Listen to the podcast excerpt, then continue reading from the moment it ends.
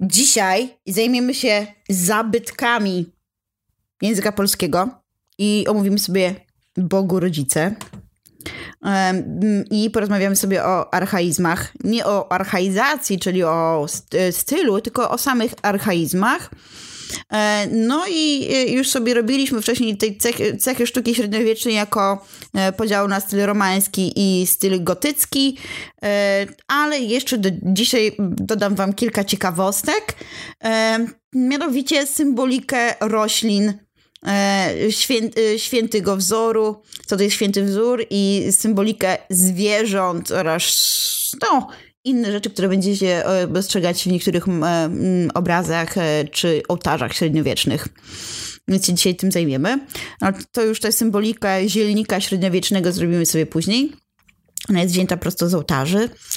E, a najpierw sobie wymienimy kilka zabytków, później będziemy czytać Bogorodzice. Bogorodzica na wasze i nasze e, szczęście jest e, uznawana za lekturę gwiazdkową, a szczęście dlatego, że prawie każdy ją zna na pamięć. E, więc nie ma z tym żadnego problemu. Oczywiście nie spotkałam się z tym, żeby jeszcze jak kiedykolwiek ona była na maturze, ale chociażby w sensie na maturze pisemnej, a na ustnej możecie się odwoływać do Bogu, e, do Bogu Rodzicy i e, od razu w opozycji do Lamentu Świętokrzyskiego, który będzie tematem naszej następnych lekcji. I tu mamy różne wizerunki maryjne i postawy, mm, jakby zbliżenie świętego do człowieka. Tym się będziemy zajmować. Dobra. Na ziemię polskie wraz z chrześcijaństwem przychodzi znajomość pisma. Czyli w tym wypadku y, religia staje się też takim oświeceniem. Y, I oczywiście, że na początku językiem pisanym posługują się jedynie duchowni, y, więc dlatego te najdawniejsze zabytki języka polskiego mają głównie charakter religijny. Jakie są teksty?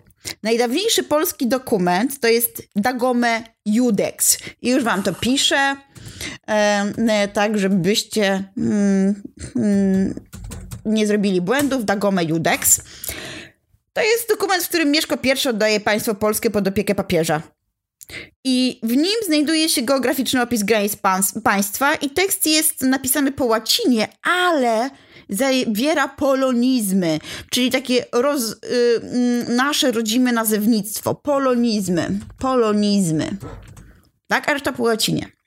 Następny tekst, ważny, to jest bardzo ważny, bo się pojawiały już, uwaga, uwaga, wow, słowa po polsku.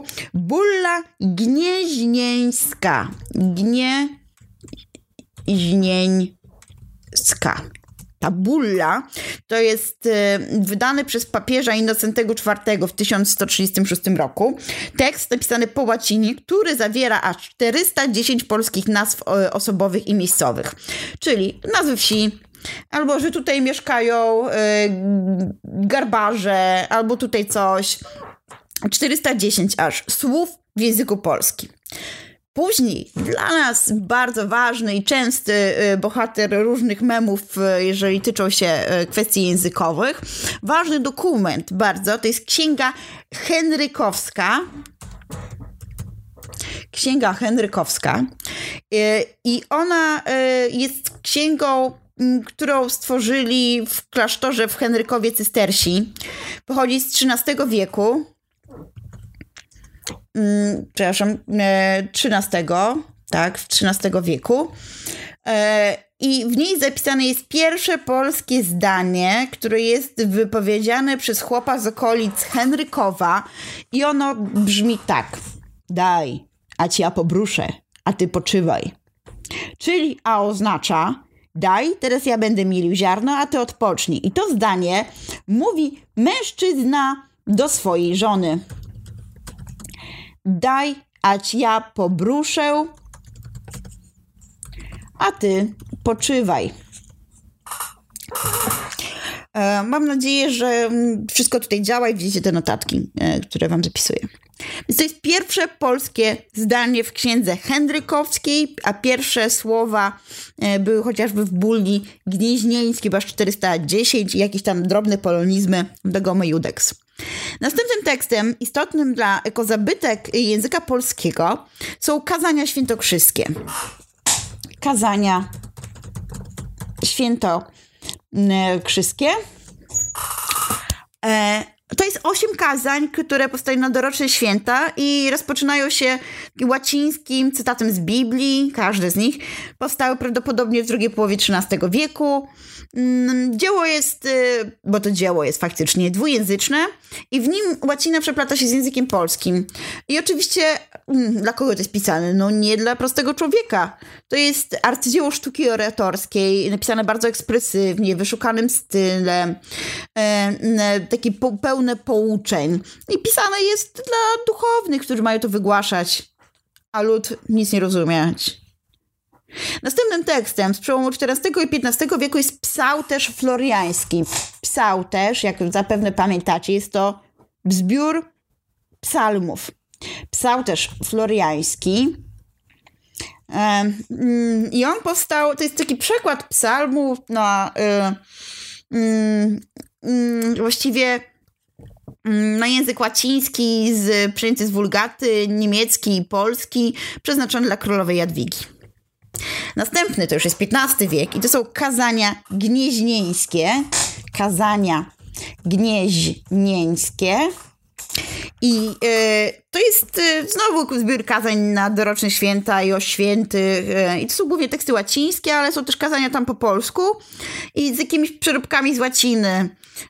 oczywiście też będzie jakieś takie próby pierwszych popisów retorycznych. Może chciałam powiedzieć erotycznych, przepraszam, retorycznych. No i mamy już XV wiek, jak omawialiśmy sobie e, Biblię i mówiliśmy o tłumaczeniach, to pojawiło nam się to tłumaczenie. To jest Biblia Królowej Zofii. Biblia Królowej Zofii. E, miało to być e, w założeniu tłumaczenie całego Pisma Świętego na język polski dla królowej Zofii, e, ale na, na pewno przełożono większość Starego Testamentu i e, włączono w jego obręb psałterz floriański. XVI wiek to będzie psałterz puławski. Puławski.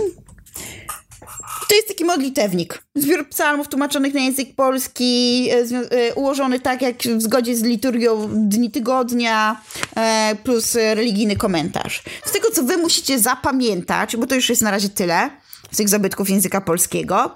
Wy koniecznie e, musicie zapamiętać bullę gnieźnieńską, który jest 410 nazw języka pols e, polskiego, po prostu polskich nazw miejscowych i osobowych oraz księgę henrykowską, której występuje pierwsze polskie zdanie dać a, e, daj ja pobruszę, a ty poczywaj. No i takim kolejnym zabytkiem języka polskiego, którym my się dzisiaj zajmiemy, jest e, Bogu Rodzica. E, e, bo w niej możemy dostrzec wiele procesów leksykalnych, najstarszy zapis drukowany pochodzi ze statutu Jana Łaskiego i to jest 1506 rok, czyli już XVI wiek, czyli to już jest późniejsza sprawa. E, tutaj e, Tosia pyta, co to są procesy leksykalne. Wszystko sobie dzisiaj wyjaśnimy, e, bo te procesy, które zachodzą, mm, mm, które możemy obserwować w Bogu Rodzicy, to jest też proces tego, jak się zmieniał język polski. E, że mamy bardzo dużo archaizmów, e, archaizmów leksykalnych, fonetycznych, fleksyjnych, składniowych i dzisiaj sobie je wszystkie wypiszemy i zrozumiemy, bo to jest jedyny taki czas e, w, mm, w trakcie edukacji w szkole ponad e, gimnazjalnej, ponad podstawowej, kiedy mówi się o tych archaizmach, a te archaizmy pojawiają się później na maturze ustnej. Czy mogą się pojawić, jak to się wylosuje.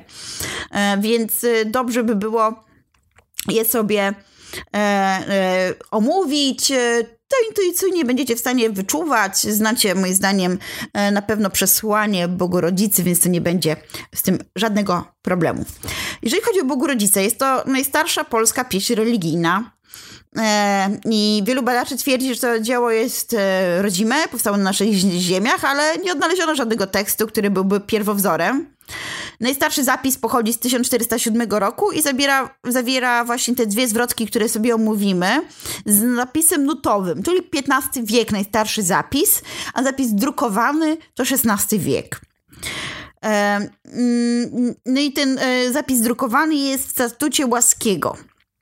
I tam też pojawia się informacja, że autorem pieśni jest święty Wojciech. E, ta teza nie przetrwała długo, e, ponieważ badania potwierdzą, że pieśń mogła powstać nawet w X wieku.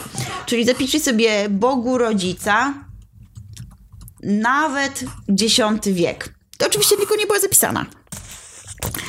E, że nawet tak. Mm, I e, najczęściej oczywiście się mówi, że ona powstała w XIII, dlatego że jest trochę problem, bo nie mamy do porównania e, innych tekstów, w których moglibyśmy porównywać właśnie te procesy leksykalne. Mm, I ustala, próbuje się ustalić czas powstania utworu na podstawie tej melodii, e, języka. No ale jest duży problem z tym, bo nawet mm, mówię, od X, nawet do XIV wieku, kiedy to mogło powstać, tak się e, rozmijają. No właśnie przez ten brak porównania. To, co jest ważne dla nas w omówieniu Bogu Rodzicy, to będzie mm, kilka pojęć. I takim najważniejszym pojęciem będzie motyw desis. Motyw desis. Mm, motyw desis e, będzie typowy dla sztuki średniowiecznej e, i będzie to kompozycja trzech postaci, hehe, zakaz zgromadzeń. W centrum będzie siedział Jezus Chrystus na tronie, jako taki sędzia i zbawiciel, a po jego bokach e, będzie Matka Boska i Jan Chrzciciel, czyli taka trójka, Jan Chrzciciel, Matka Boska, Jezus Chrystus na środku. To jest motyw deezis, co z języka greckiego oznacza błaganie albo prośbę. Um, I to jest związane z bardzo ważną ideą, z ideą pośrednictwa. Idea pośrednictwa. To jest szalenie ważne, tego nie możecie zapomnieć. Deezis, idea pośrednictwa, jeszcze za chwilę będzie trzecie pojęcie. E, idea pośrednictwa ma polegać na tym, że wierzono, że nie jest możliwy bezpośredni kontakt e, z wyżej postawionymi postaciami w hierarchii kościoła. To będzie wzięte z filozofii świętego Tomasza Zakwinu, którą sobie też zrobimy. E, i możemy kontaktować się tylko przez pośredników. I dlatego też na przykład w trakcie mszy świętej modlitwa Ojcze Nasz jest dopiero pod koniec, bo dlatego jest cały kanon świętych. Po to się modlisz do świętego Antoniego, kiedy coś zgubisz, żeby on jako ten wybrany zaniósł twoją prośbę do Boga. On ma u niego chody. Tak? Więc stąd jest ta idea pośrednictwa. Potrzebujemy pośredników. E, ten motyw Deazis już się pojawia w, w, różnych e, freskach już właściwie od początku XII wieku. E, Bogurodzica jest oczywiście związana na trwale z historią Polski, mm, ma bardzo bogatą tradycję śpiewania. Na pewno utwór był znany za czasów Władysława Jagieły, ponieważ są takie zabyski, zapiski, że wykonywano ją more majorum, czyli w, według obyczajem przodków w ważnych chwilach. E, źródła historyczne będą podawać, że Bogorodzica była pośpiewana przez rycerstwo także przed bitwą pod Grunwaldem. Więc e, ona e, była też taką funkcją, pełniła funkcję pieśni bitewnej, pieśni rycerskiej, dodawała mm, woli walki, pobudzała do czynu. Mm, mm, przekazy kościelne mówią, że w XV wieku śpiewanie Bogu Rodzicy to była też mm, forma odpustu, czyli stała się też pieśnią religijną.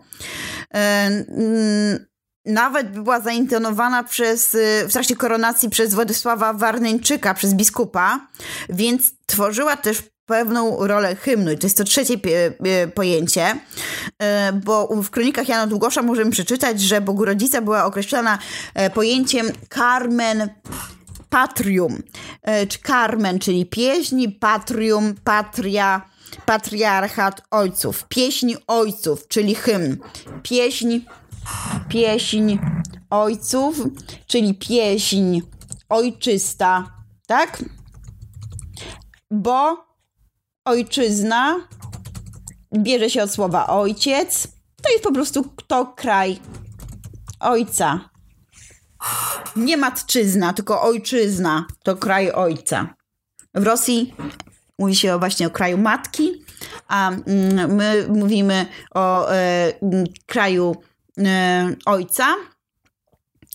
E, pamiętajcie, to patria, patrium, patriarchat, patria to ojczyzna przecież, tak?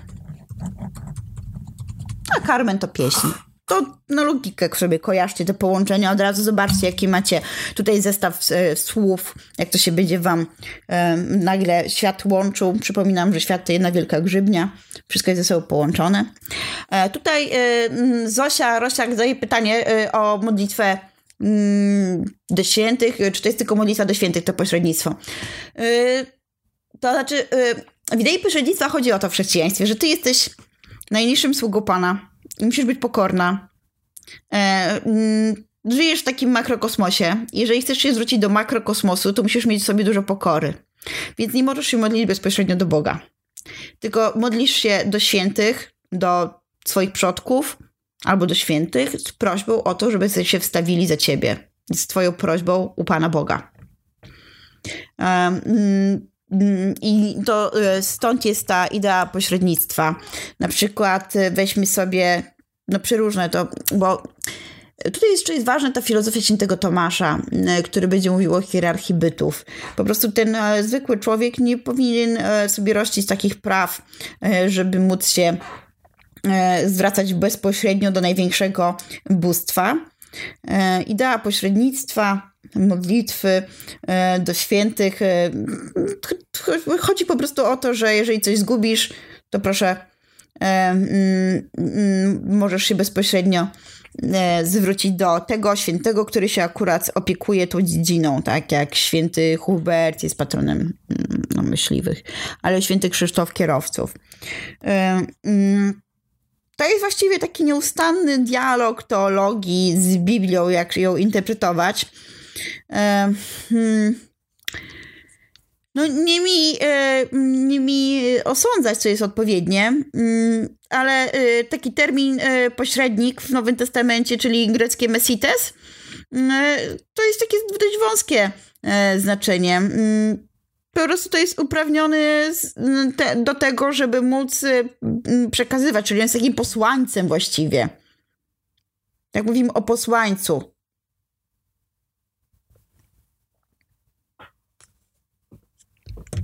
Idziemy dalej. E, więc mamy trzy pojęcia. Desis, idea pośrednictwa, Carmen Patrium. E, najstarsza ta część Bogu Rodzicy będzie się składała z dwóch zwrotek, które są przydzielone refrenem, dlatego mamy do czynienia z pieśnią, a także z hymnem. E, mm, I mm, zaraz sobie omówimy dokładnie, jaka jest ta budowa. Ważne jeszcze jest dla, dla Was to, y, jaki jest system wersyfikacyjny, Poraz, y, ponieważ oto jest też zabytek y, w kwestii mm, poetyki i ona jest napisana wierszem średniowiecznym, czyli tak zwanym zdaniowo-rymowym. Wiersz średniowieczny, zdaniowo-rymowy. E, i ramy wersu wypełniają e, jakieś odrębne człony składniowe. Ilość e, sylab w wersie wcale nie będzie stała. W wersach mm, dłuższych nawet jest wyraźna dwudzielność. I tak pierwsza Pierwszy wers będzie miał 16 sylab, drugi 17, trzeci 6. Będą rymy wewnętrzne, rymy zewnętrzne się pojawiały y, mm, stopniowo później będzie to rozszerzone i w końcu w XVI wieku będzie miała już ponad 20 zwrotek. Czyli na początku mamy dwie zwrotki e, i refren. E, mm, I mamy do czynienia z wierszem średniowiecznym, czyli zdaniowo-rymowym. Czyli ramy wersu wypełniają odrębne człony składniowe. I zaraz to sobie zobaczycie. E, chciałabym, żebyście sobie odpalili Bogu Rodzice. E, możecie wejść też e, na przykład e, na nasz dysk. Już Wam podsyłam link. E, tutaj macie i tam pierwsze zdjęcie na górze 6697 to, to jest tekst Bogu Rodzicy. Przeczytajmy sobie zatem, a możecie nawet sobie posłuchać, bo są piękne wykonania. Bogu Rodzica. Już tutaj szukam.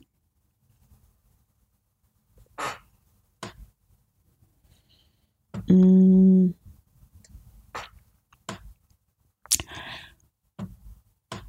O, mamy. Ze staropolskiej. Polecam Wam bardzo tę stronę staropolska.pl. E, wszystkiego, co teraz będziemy omawiać sobie literatury staropolskiej, nie ma lepszej strony. Już Wam wysłałam link.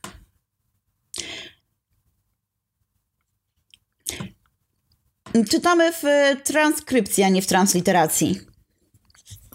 Bogorodzica dziewica, Bogiem sławiena Maryja, u Twego Syna Gospodzina, Matko zwolena, Maryja, zyszczy nam, spuści nam, Kyrie eleison. Twego dziela chrzciciela Bożycze, usłysz głosy, napełni myśli człowiecze, słysz modlitwę jąż nosimy, a dać raczej Jegoż prosimy, a na świecie zbożny pobyt, po żywocie rajski przebyt. Kyrie eleison. No i warto sobie przejść do tłumaczenia Bogu Rodzicy. E, I tym przeczytajcie sobie jeszcze sami i za chwileczkę sobie zrobimy tłumaczenie. Ja wam jeszcze tutaj włączę utwór, e, żebyście w trakcie mieli dobry podkład. E, Bogu Rodzica. Proszę, niech to teraz leci, aby mi się tylko teraz dźwięki z Messengera tutaj nie udostępniły. Żadne. Mm bo akurat y, utwór cieszy się świetnym, y, wieloma świetnymi wykonaniami. Mm.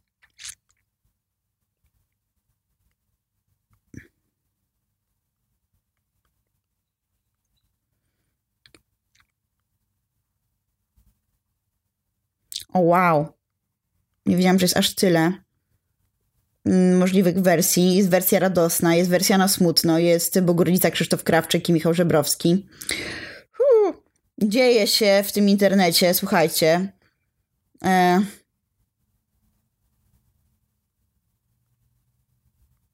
O wow, chyba się zaczyna bać. Bogorodzica rap. To chyba w takim razie czuję się zmuszona, żeby Więc to włączyć. sobie do lasu. Julci, ale coś do mnie dotarło. To specjalnie...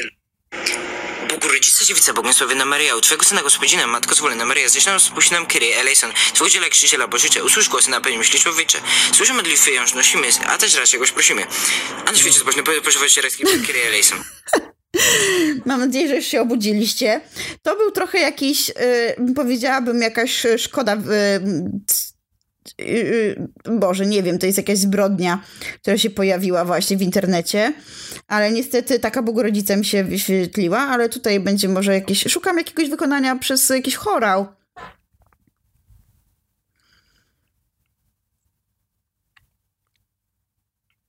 Dobra, mam jakieś y, wykonanie z holi benedyktynów tynieckich. To może być dobre. O, jest.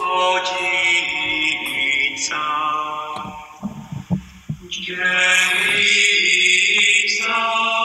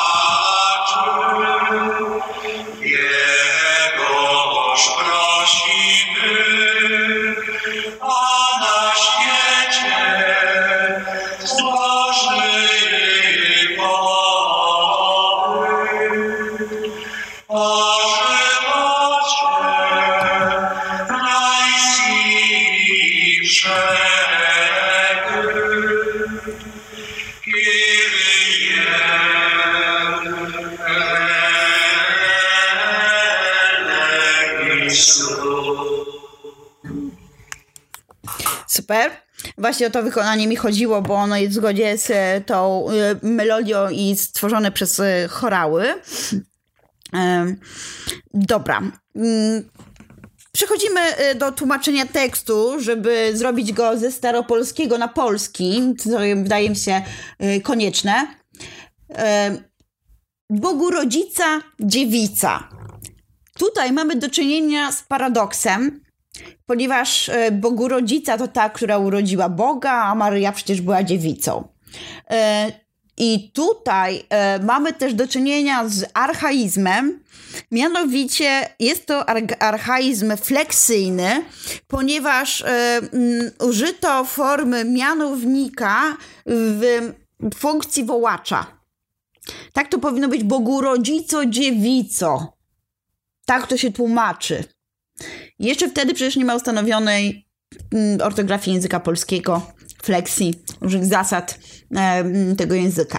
Bogiem sławiena to oznacza e, wychwalana, wysławiana e, mm, przez Boga, e, tego, którego zrodziła.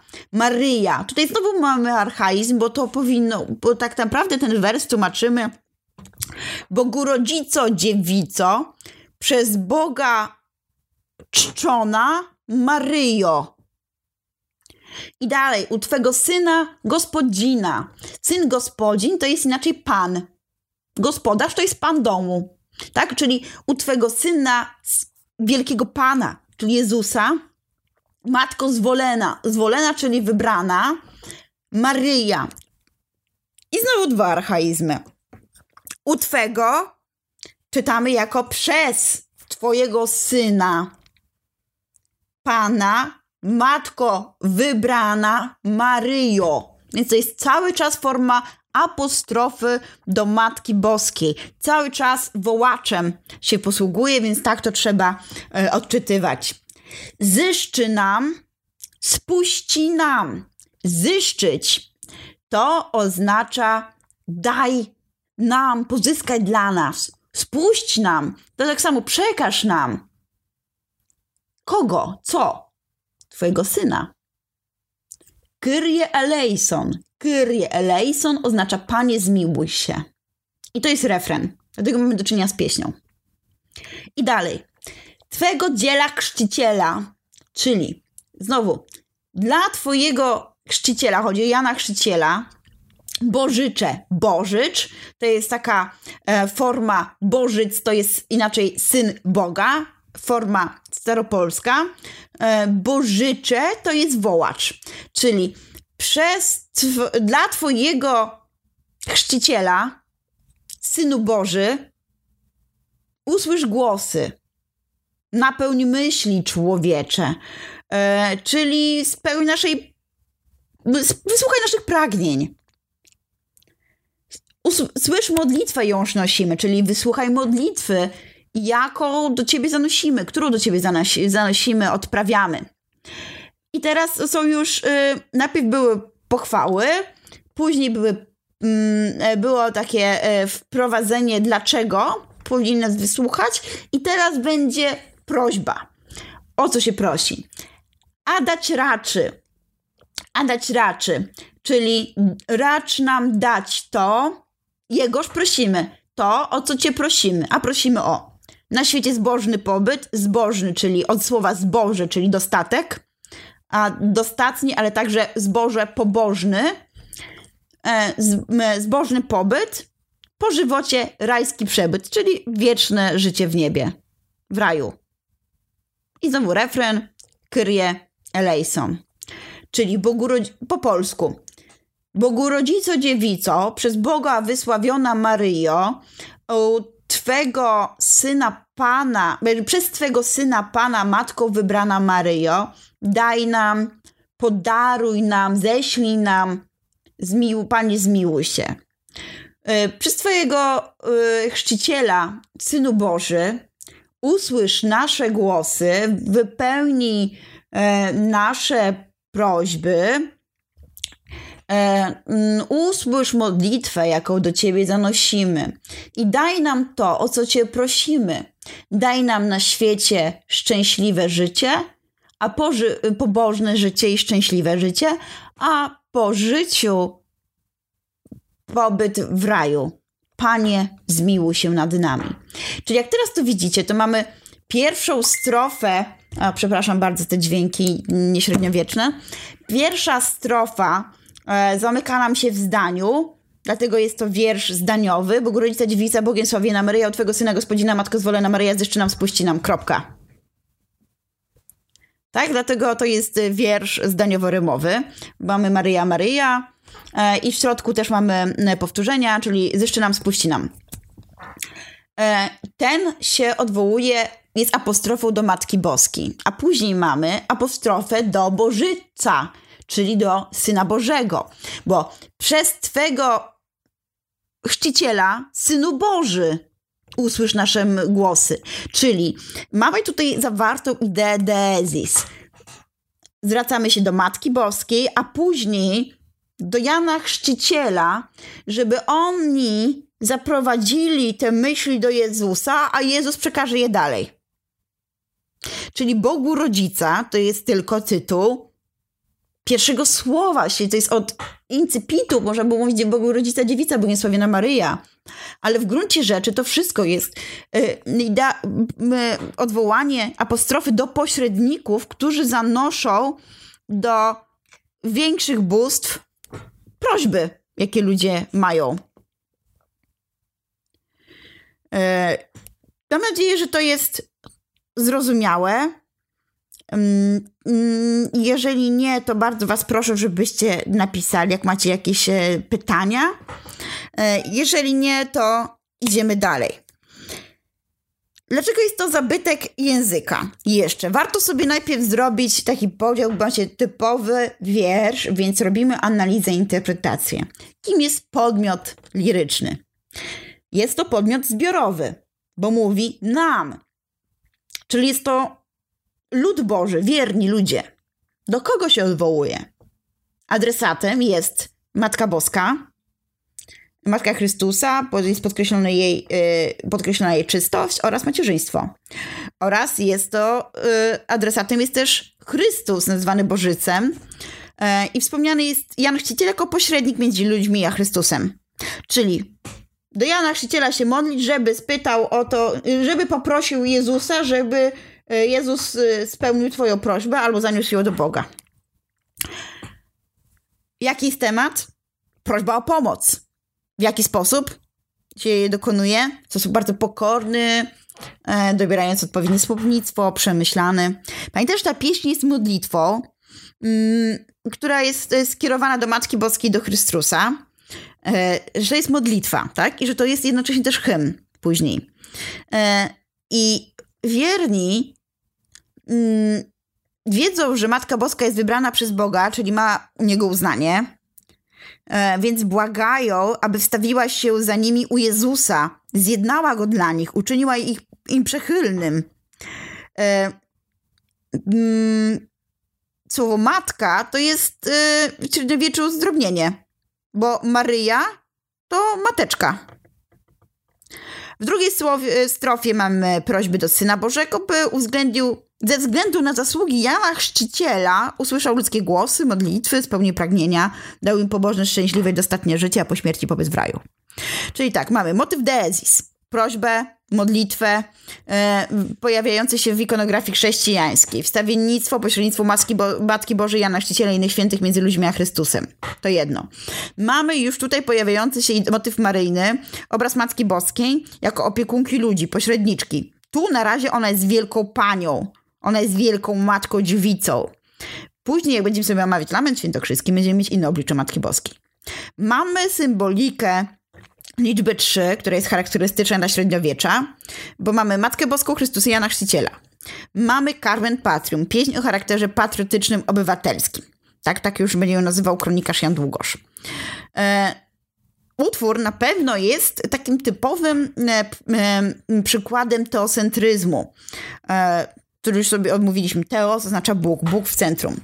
E, jest zawarty hierarchizm świata bardzo ważny dla sztuki średniowiecznej, e, bo to jest, wywodzi się to z filozofii świętego Tomasza Zakwinu, którą będziemy sobie omawiać. E, byty na świecie są uporządkowane według hierarchii, e, według ważności i znaczenia. Mamy też pewien uniwersalizm kultury średniowiecza, że widzimy, że to się pojawia w, po prostu powszechnie w różnych e, miejscach Europy podobne motywy. E, Co jeszcze? Jeżeli chodzi o budowę utworu, mamy kolejne środki językowe. Utwór mamy, y, składa się z dwóch zwrotek. E, Później dodają, dodaje się nawet do 20. E, W utworze występują liczne paralelizmy, w- czyli powtórzenia. Każda zwrotka jest e, prośbą do boskiej osoby i ma podobną budowę e, wersów. E, Są apostrofy bezpośrednie, patetyczne takie zwroty do adresatów. Styl podniosły. Bardzo ważne są antytezy, tak, czyli to jest paradoksy, przeciwstawienia. Bogorodzica dziewitka, dziewica, albo Jezus to jednocześnie Syn i Pan, Gospodzin i Bóg. Tak, to też jest e, pewną formą e, antytezy. No i w kontekście występują e, liczne archaizmy. Archaizm to jest taka forma językowa, która już dawno wyszła z użycia. Mm, I na przykład mamy takie archaizmy jak leksykalne, czyli słownikowe. Już tak się nie mówi. Zwolena to wybrana. Dziela to dla. Bożyc to syn Boga. Zbożny to szczęśliwy. Mamy też y, y, y, gospodzin to pan. E, Mamy też archaizmy fonetyczne, czyli y, różnice w brzmieniu. Takie jak na przykład chrzciciel, dzisiaj mówimy chrzciciel, sławiena, czyli sławiona, zwolena. E, Tu mamy formę y, bez przegłosu. Dalej. E, Mamy archaizmy składniowe, czyli jakąś inną budowę zdania. E, Na przykład Bogiem sławiena to dziś przez Boga sławiona. E, Czyli mam tutaj składnię taką bezprzyimkową, że nie ma tego przez.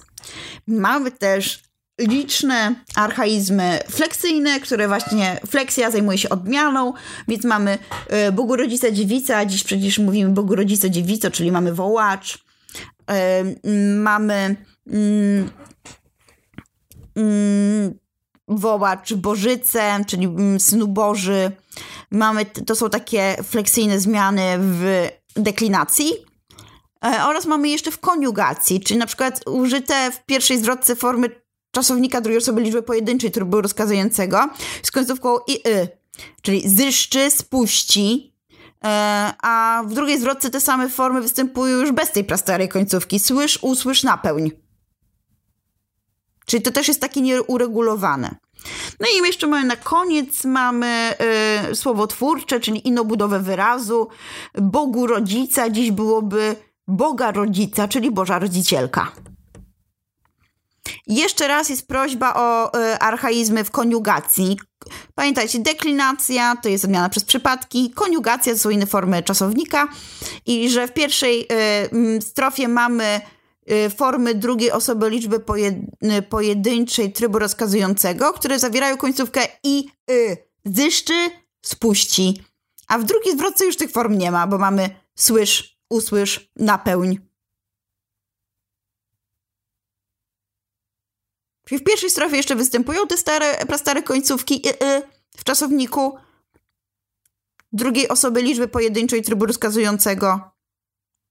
A w drugiej strofie już nie ma tej końcówki y, y. To tylko pokazuje, jak bardzo y, ten język jest jeszcze nieustalony, nieułożony. Będziemy tak mieć y, jeszcze przez y, wiele epok, jeszcze w, y, w renesansie czy w baroku będziecie widzieć w jednym tekście literackim różne formy tego samego wyrazu.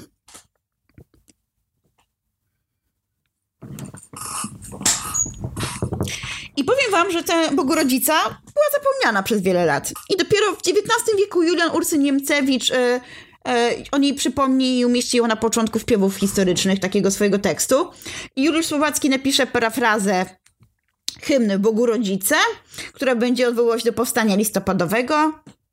E, Będą ją e, śpiewać e, w krzy- krzyżakach opisujących bitwę pod Grunwaldem i w potopie przy obronie Jasnej Góry, czyli w powieściach historycznych Henryka Sienkiewicza, czyli autora z czasów pozytywizmu, czyli XIX wieku.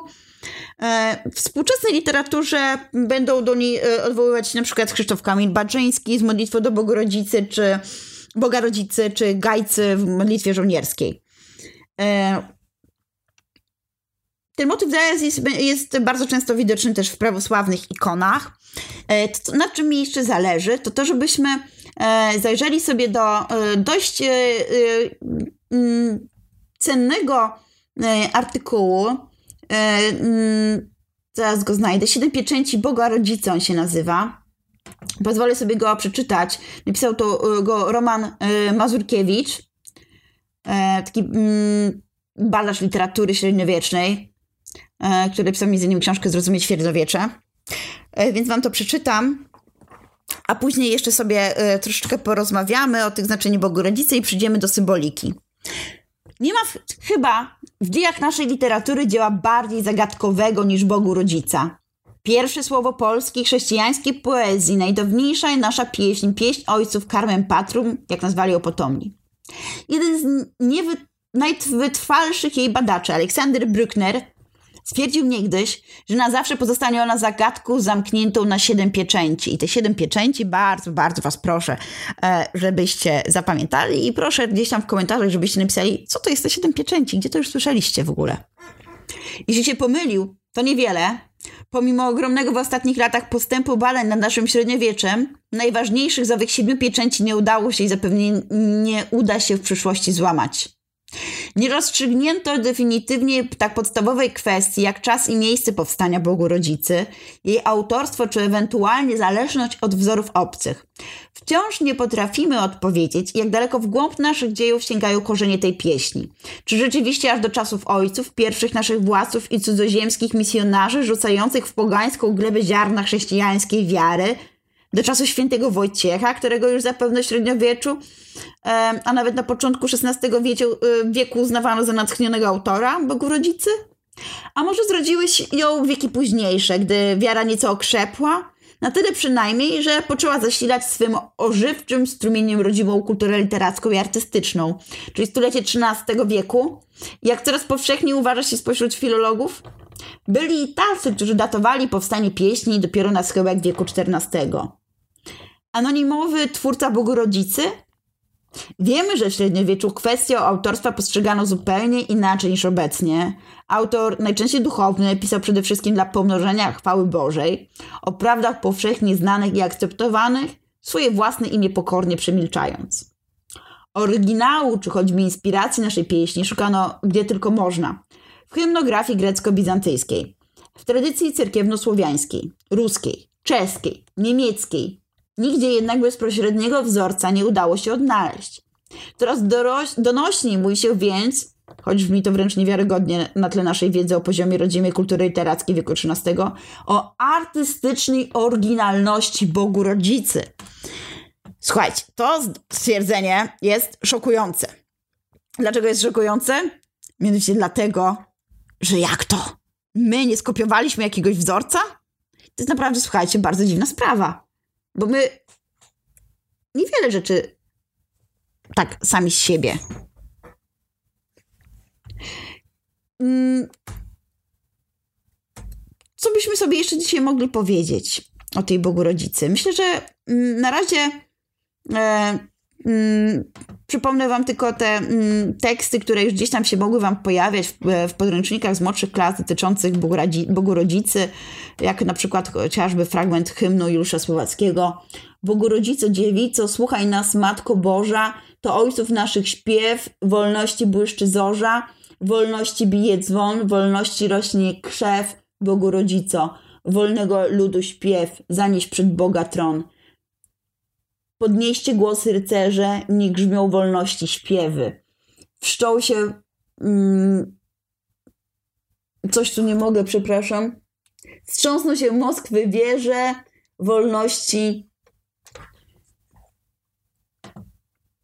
Pieniem wzruszę. O, dobra. E, zimne granity Newy i tam są ludzie i tam mają duszę. Albo Mickiewicz w pierwszych wiekach historii Polski napisze. Wiersz święty napisał pieśń sławną Bogu Rodzica, która miała stać się narodowym hasłem wojny i rozlegając się na setnych polach bitew brzmieć od Bałtyku do Czarnego Morza przez całe świetne wieki dziejów naszych. Epokę, którą nazywają epoką Polski podbijającej, można nazwać epoką Boga, Boga Rodzicy. Albo cudowny Cyprian Norwid w Bogu Rodzica Pieśń ze stanowiska historyczno-literackiego odczytana. Słysz głosy. Napełni myśli. Słysz modlitwę.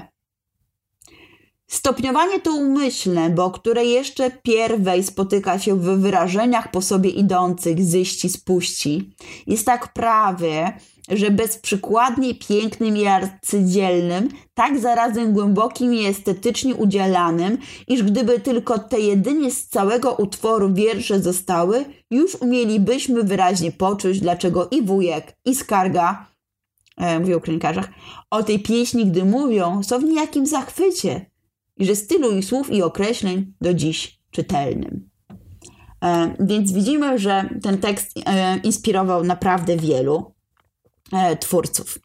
E, pamiętajcie o tych archaizmach. Nie musicie e, bawić się w kolejne e, archaizmy i wszystkie e, zabiegi językowe, które są przeprowadzane, ale jakby ktoś chciał o tym posłuchać i poczytać, to macie to w folderze e, na dysku, w tym właśnie folderze o zabytkach języka polskiego i folderze archaizmy.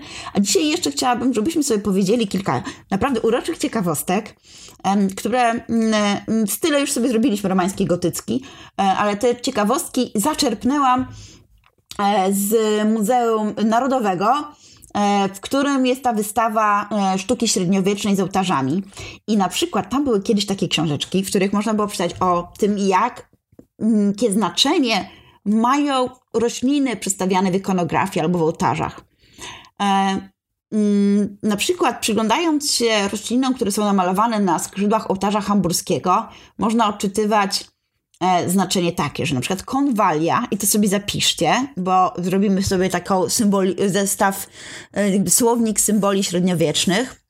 Konwalia będzie symbolem miłości i szczęścia i będzie nazywana lilią dolin, a kiedy będzie konwalia zestawiona w tekście literackim albo mm, na jakimś ołtarzu z Matką Boską, będzie podkreślała jej pokorę. Dalej. Mniszek lekarski, czyli potocznie mówiąc mlecz. E, mm, on jest spożywany jako jedno z gorzkich ziół podczas żydowskiej wieczerzy paschalnej, a e, w tradycji chrześcijańskiej mniszek lekarski symbolizuje mękę Chrystusa. Pomarańcza będzie nazywana złocistym jabłkiem i będzie symbolem drzewa rajskiego i wcieleniem Boga w łonie Maryi. Czyli zestawienie Matki Boskiej i pomarańczy to już wiecie. Palma, według różnych pism apokryficznych, podczas ucieczki do Egiptu e, pochyliła się na rozkaz dzieciątka Jezus, aby nakarmić daktylami świętą rodzinę. Tak? Czyli będzie taką rośliną poddaną. E, tak, jakie pytania? Nie, y, symbol y, pomarańczy w kulturze polskiej związany z Wigilią jest po prostu dlatego, że one były symbolem luksusu, bo nie było cytrusów.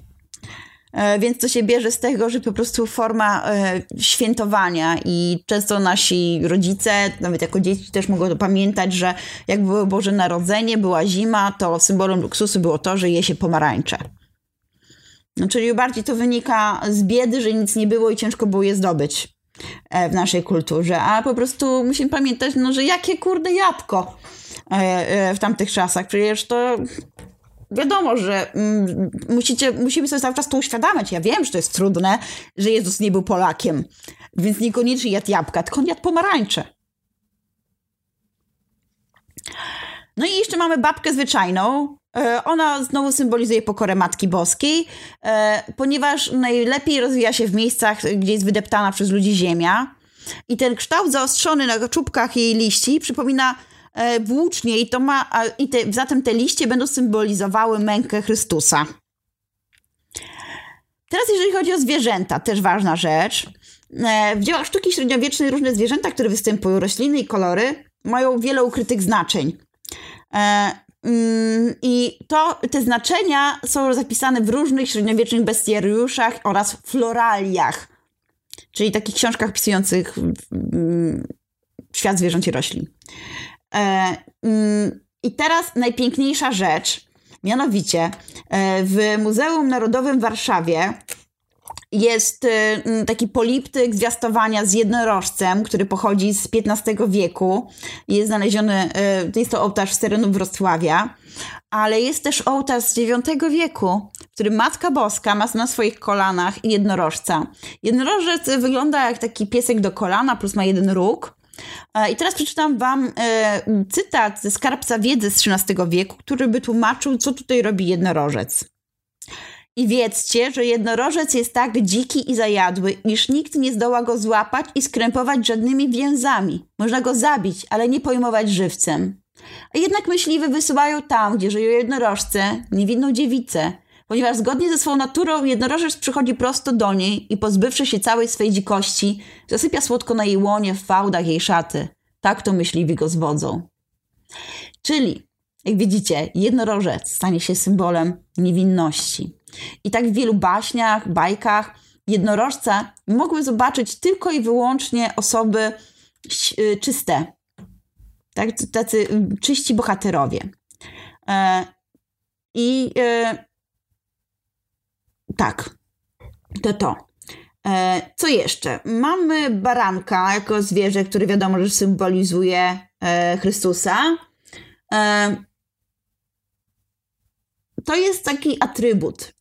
Mm, ważne jest dla Was pojęcie atrybutu, bo każdy święty ma jakieś atrybuty. I jeżeli widzimy mężczyznę, wokół którego są, jest jakiś baranek, to wiemy, że ten mężczyzna to jest na pewno E, Jezus Chrystus, Chrystus. Atrybuty e, świętych chrześcijańskich możecie sobie wpisać. E, mm, co mm, pomogłoby Wam na przykład w trakcie wycieczki do Pragi czeskiej mm, zrozumieć, jakie postaci pojawiają się na moście, bo do każdego świętego jest zawsze jest przypisany jakiś atrybut. E, I, e, I tak na przykład e, będą tymi atrybutami gałązka palmy czy lili. Dzisiaj się tym zajmiecie, oczywiście wam na razie nie powiem. To jest wasza praca domowa. E, takimi atrybutami może być na przykład też jakaś dziwna sytuacja, na przykład ukrzyżowanie z głową w dół, albo pokazanie z wilkiem. No, wilkiem to będzie święty Franciszek, to jest już pewne. E, na przykład jeleń, który się pojawi z krzyżem.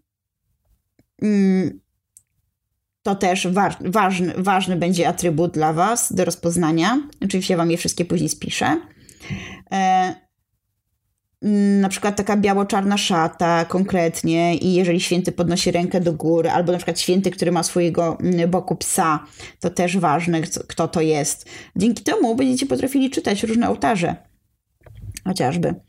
Y, więc y, mm, o tym nie zapominajcie, proszę. Y, Mm, co jeszcze? No symbole, to wiadomo. W obrazie lub rzeźbie pojawia się jakiś symbol, tak jak gołąb to będzie symbolem pokoju, a jednorożec symbolem czystości. E, mm, takim e, też e, mm, na przykład bardzo ważnym zwierzęciem e, dla sztuki średniowiecznej będzie jeleń. I tu też wam przeczytam tekst e, bardzo stary.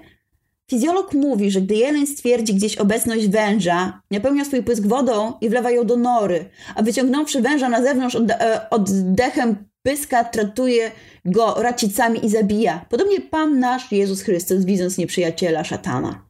Tak? Czyli tutaj też mamy to ważne. E, mm, też z takich e, dziwnych e, atrybutów albo jakichś przypisanych e, mm, mm, e, postaci to mogą być na przykład ruszt. Święty Wawrzyniec zginie na, Święty Wawrzyniec zginie na ruszcie i on go może mieć ze sobą. Albo kamienie, to będzie na pewno y, święty Szczepan, możecie być tego pewni, bo on był ukamienowany. E, no, palma to wiadomo, nagroda zbawienia w niebie, e, taki, e, taki symbol. Albo łabędzie, co oznaczają łabędzie? Cytat znowu. Wielu powiada, iż kiedy łabędź ma umrzeć, poznaje on, że zbliża się śmierć. Wówczas zaczyna śpiewać tak słodko, że aż dziw bierze i śpiewając kończy życie. Tak? Czyli łabędzie będą symbolem śmierci. Później pawie. E, Mm, na przykład i pamiętajcie, że baranek i wół. Wół to także jest e, zwierzę, które jest składane w ofierze, e, czyli e, będzie symbolizowało Chrystusa. I teraz kolejna rzecz, jeszcze z takich ciekawych słów. Jak się ubierano wtedy, bo to też się pojawia nam na wielu ołtarzach, na przykład na ołtarzu świętej Barbary. To są takie cechy, które będą mieć te osoby w ubiorze i dzięki temu możemy e, odczytywać, co to jest e, za przedstawienie postaci. Na przykład książka, która jest opra w oprawie sakowej, to będzie która, czy książka, dzięki której e, e, mm, ona może być, y, to jest ktoś bogaty, bo taka książka w takiej oprawie może być noszona na ramieniu i w ogóle ktoś ma książkę. Kaletka to będzie to, torebka noszona przez mężczyzn i kobiety, która jest zawieszana na pasie, taki odpowiednik sakiewki kieszeni. To jest kaletka. To też ktoś, kto ma jakieś pieniądze. Trafione włosy. Trafione, czyli zakręcone na papiloty ze skrawków materiału lub na metalowe pręty ogrzewane pod paleniskiem. E, jest to fryzura, która, yy, która była utrwalana też białkiem kurzym, czyli widzimy, że na przykład ktoś jest, ktoś z wyższej klasy, na przykład jakiś mieszczanin. Nogawice z ciżmą. To jest średniowieczna wersja spodni, które składają się z dwóch nogawek przysznurowanych do górnej części garderoby. E, występują czasami pod stopą skórzanej podeszwa, która na przykład zastępuje obuwie, takie ciżby. E, tonsura to jest wygolony czubek głowy, który jest znakiem, że to ktoś przynależy do stanu duchowego. E, rob upland to taki francuski kosztowny strój dworzanina lub mieszczanina, który mm, na piersiach e, będzie obcisła szata ze stójką pod szyją i rozpiętymi zwisającymi rękami, rękawami.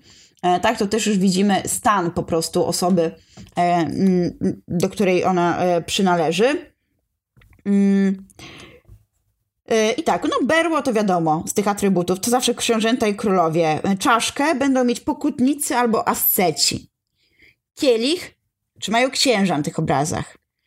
Księgę mają tak ogólnie wielu świętych, bo tak jakby to jest księga żywota, czyli oni już ten żywot poznali, oni już to wiedzą. Mm, no Lilia to dziewica.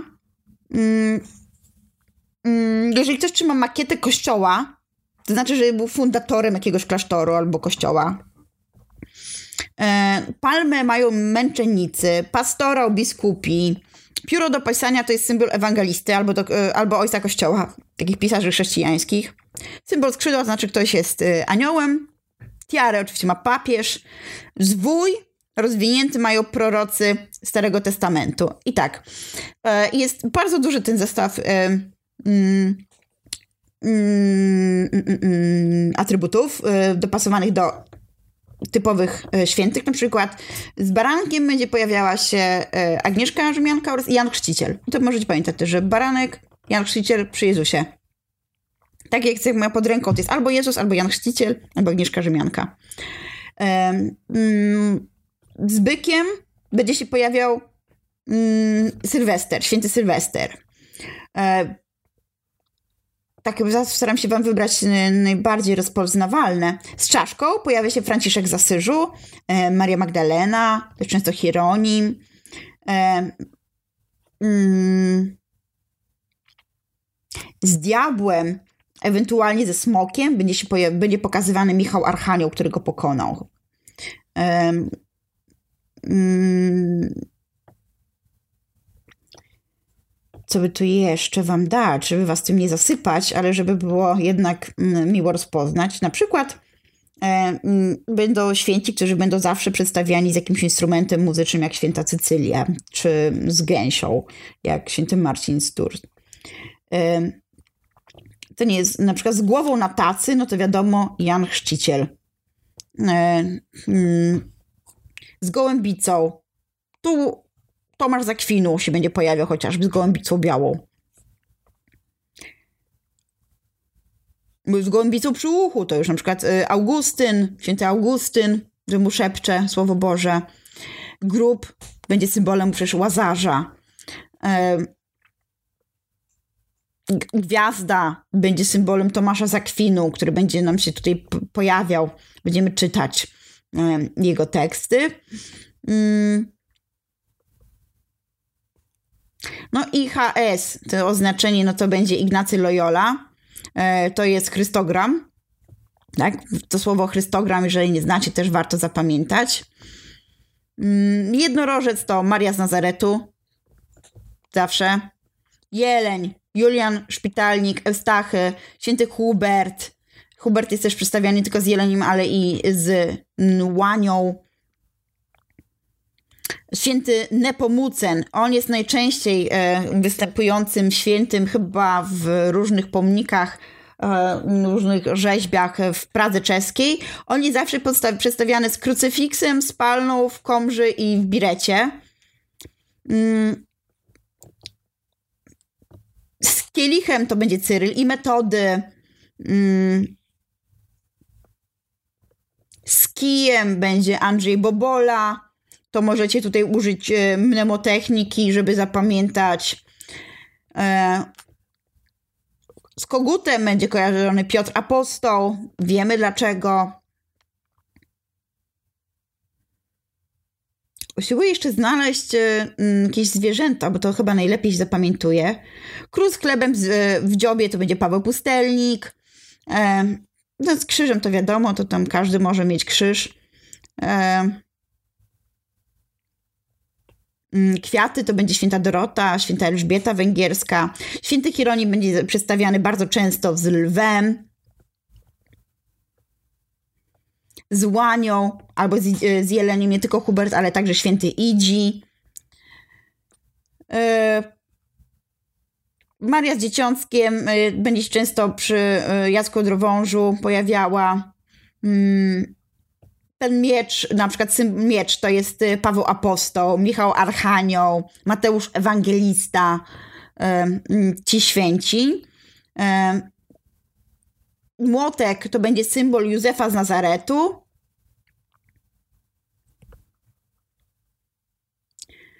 E, I, a, i święty Dominik, co warto zapamiętać. Święty Dom, Dominik e, będzie pokazywany z pochodnią i z psem. I to też będziecie e, mogli obserwować, jeżeli pojedziecie na wycieczkę e, do świętej, do Pragi, do różnych, e, do Pragi czeskiej, do różnych świętych miejsc. Polecam jako mm, fascynację sztuką po prostu tam obejrzeć te mm, zdobione kościoły. Święty Stanisław Kostka jest przedstawiony z różańcem. I to w sumie, no, or, orze, orłem jest oczywiście, to już sobie mówiliśmy, e, Jan Ewangelista. E, takich, e, wiele tych atrybutów będzie się pojawiało i to chcę, żebyście zwrócili uwagę, że tak jak bogowie religii politeistycznej mieli swoje atrybuty, tak i e, święci religii monoteistycznej, jak, monoteistycznej, jest chrześcijaństwo, jak spojrzymy na to logicznie, odcinając się od e, takiego spojrzenia sakrum, widzimy tutaj wiele analogii, wiele podobieństw. Każdy ma swój atrybut i jest od czegoś. Mm, tak, ryba, mm, ichthys, y, no to, to będzie też symbol chociażby Andrzeja Apostoła.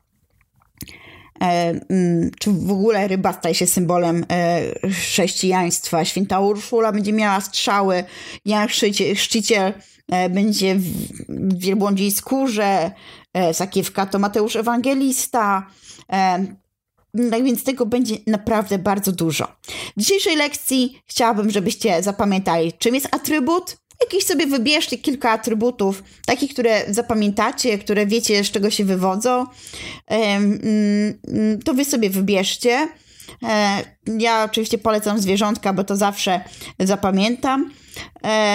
I e, mm, macie pamiętać, czym jest Carmen Patrium, czym jest hierarchizm, który występuje w Bogu Rodzicy, e, czym jest motyw deezis, jak go rozpoznać, dlaczego jest w Bogu Rodzicy, czym jest idea pośrednictwa, e, ta symbolika 3, która tu występuje, jakie mamy archaizmy leksykalne, fonetyczne, składniowe, fleksyjne, słowotwórcze, E, co to jest w ogóle ten archaizm? Co możemy powiedzieć na temat e, e, systemu wersyfikacyjnego Bogu Rodzicy jako zabytka, zabytku języka polskiego, przepraszam.